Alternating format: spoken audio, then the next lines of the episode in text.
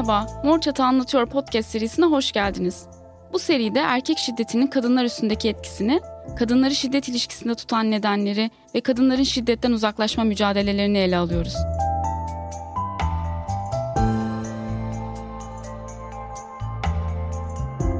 Aile içerisindeki kadına yönelik erkek şiddeti bir kontrol mekanizmasıdır. Sistemin eşitsizliğini devam ettirmenin aracıdır.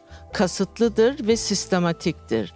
Bu eşitsizlik aile içi şiddetle korunmaya çalışılıyor. Patriarkal sistem içerisinde şiddete maruz kalmadığımızı söylemek de bu nedenle doğru bir yaklaşım olmuyor erkek şiddetine karşı tek tek kadınlar olarak ayakta kalabilme mücadelemiz, yaşadıklarımızı gözden geçirmek ve şiddeti doğru tanımlamamızdan geçiyor.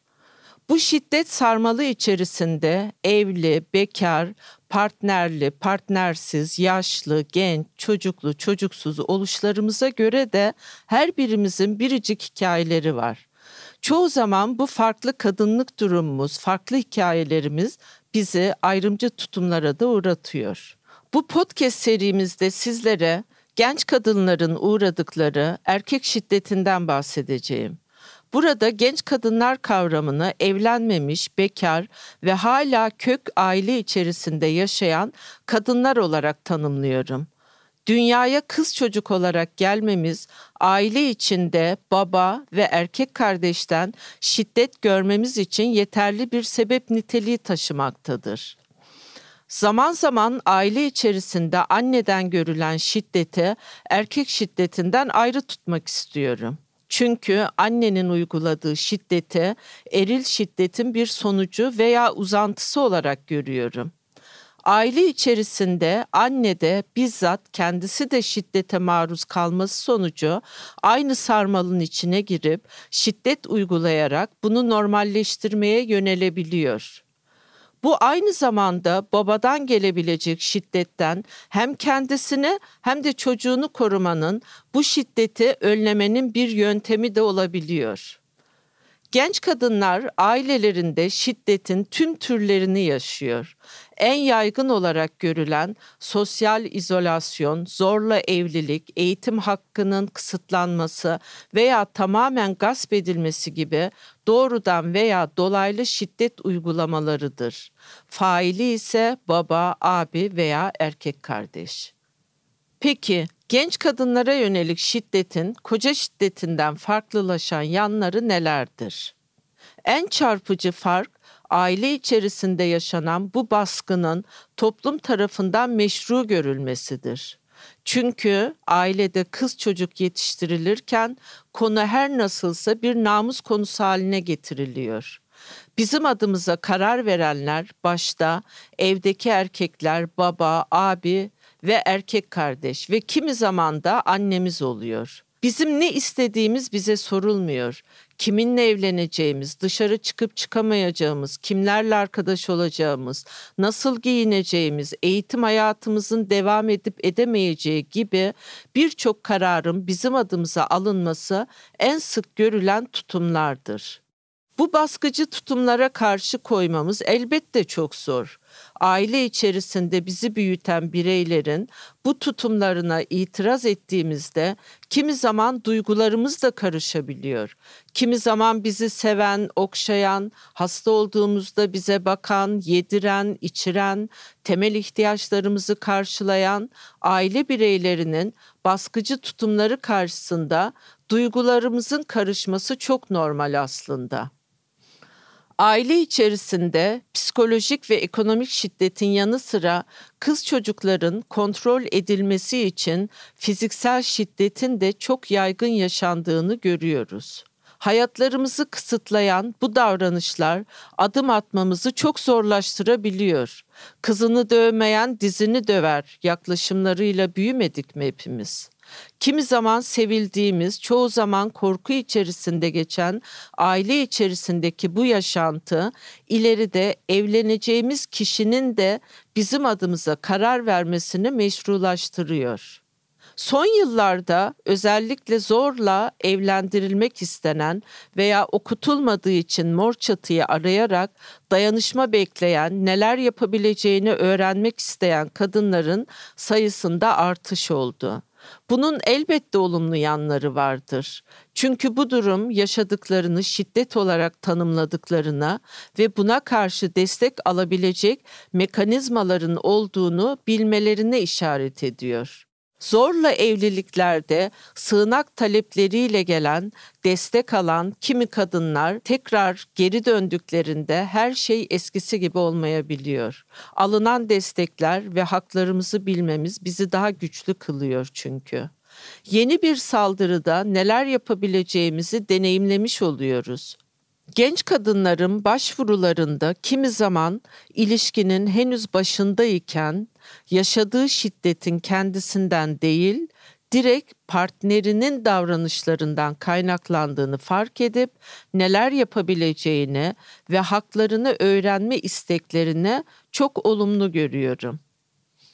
Kimi zaman 18 yaş altı kız çocuklarının aile baskısı nedeniyle 18 yaşıma geldiğimde neler yapabilirim diye aramaları da alana ilişkin farkındalığın artmasını işaret ediyor. Pandemi döneminde bu durum daha da belirgin hale geldi. Pandemi önlemleri kapsamında uzaktan eğitimle birlikte öğrenci yurtları ve öğrenci evleri kapandı. Bu yönüyle önemli bir kesimi aile içi şiddetten kurtulmak için farklı şehirlerdeki üniversiteleri tercih etmiş üniversite öğrencisi genç kadınlar aile evlerine geri döndüler ve aile içi şiddete daha yoğun biçimde maruz kaldılar. Bu durum şiddetin boyutlarına farklı bir düzeyde bir kez daha gösterdi bize. Aynı zamanda şiddetten uzaklaşmak için çeşitli alternatifleri olduğunu bilmek, bunu deneyimlemek de kadınlara yol gösterici oldu.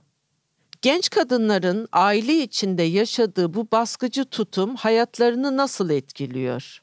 Bir defa kadınlar ailelerini karşılarına almak istemiyor.